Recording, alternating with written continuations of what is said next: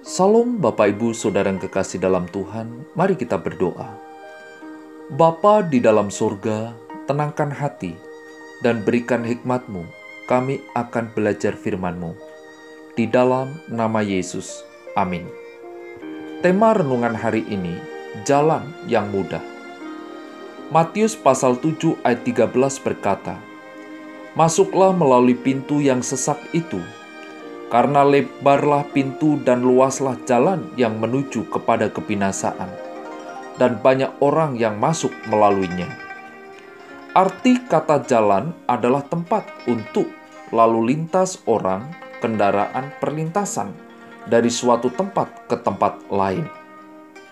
Sedangkan arti kata mudah adalah tidak memerlukan banyak tenaga atau pikiran dalam mengerjakan, tidak sukar, tidak berat, gampang, lekas sekali, tidak teguh imannya.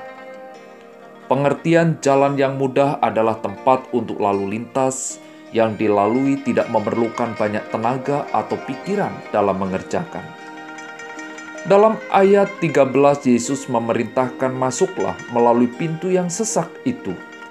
Karena lebarlah pintu dan luaslah jalan menuju kepada kebinasaan dan banyak orang yang masuk melaluinya. Kita juga pernah mendengar pepatah, tiada kemuliaan tanpa penderitaan.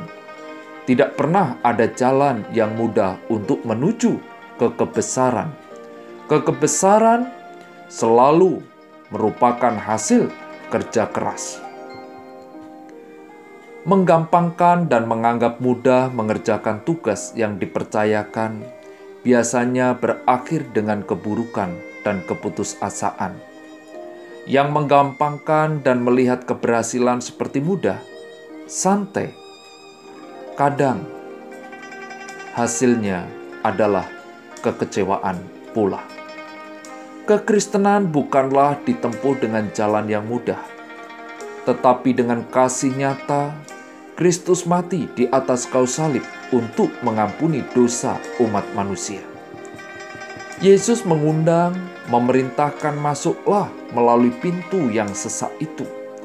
Karena lebarlah pintu dan luaslah jalan yang menuju kepada kebinasaan Yesus mengundang kita untuk mendatangi jalan menuju kepada kehidupan. Untuk menikmati penghiburan dari Allah, tidak ada jalan yang mudah. Untuk mengalami kehidupan jiwa, untuk menuju kebahagiaan abadi dan pengharapan di dalam Tuhan, masuklah melalui pintu yang sesak itu. Tidak mudah jalannya untuk menjadi Kristen yang benar-benar mengalami kebahagiaan sejati bersama Tuhan, mengalami ketenangan bersama Tuhan, keteduhan bersama Tuhan, bahkan menjadi pribadi yang berkarakter Kristus, tidak ada jalan yang mudah.